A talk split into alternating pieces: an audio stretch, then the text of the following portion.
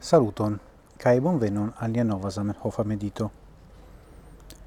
Hodiau mi volas legi cun vi, cae mediti cun vi, sur la vortoi kiu in Zamenhof scribis pri nia fero circa rigardo en 1900, pardono, 1800, naudec du en la esperantisto. Mi legas el pagio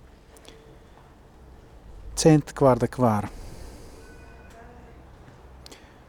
Por niei nova elegantoi, ni donas tie ci mallongan historion cae essenzan circa o rigardon de la nuna stato de nia fero.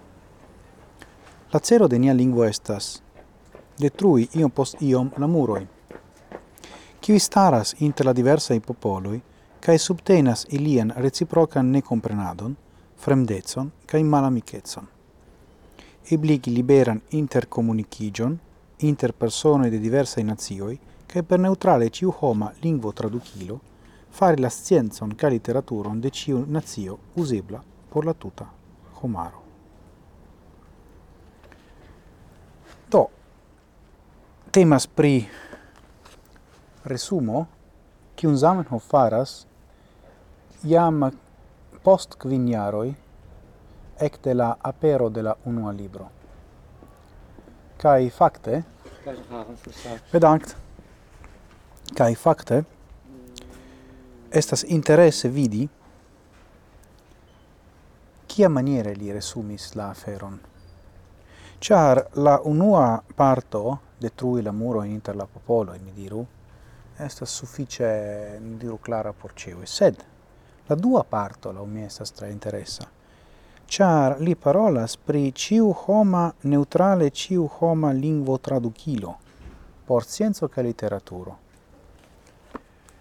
Mi pensas che la Esperanto movados fari faris cion, faris multon pri tio, sed ne cion eblan, fakte. Char aparte en la parto de scienzo Esperanto estas nur margena lingvo en eh, en la panoramo de nun tempo e scienzo generale. Do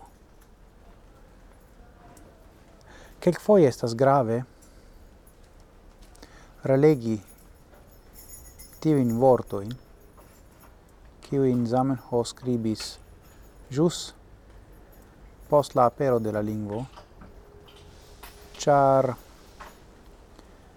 multai chansoi estis ne vere esploritai. Ne tute. Kai ja,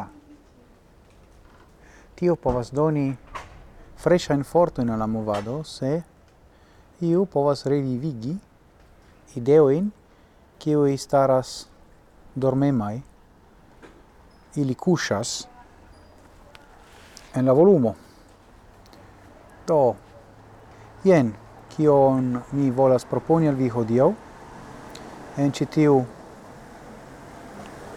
pluva tago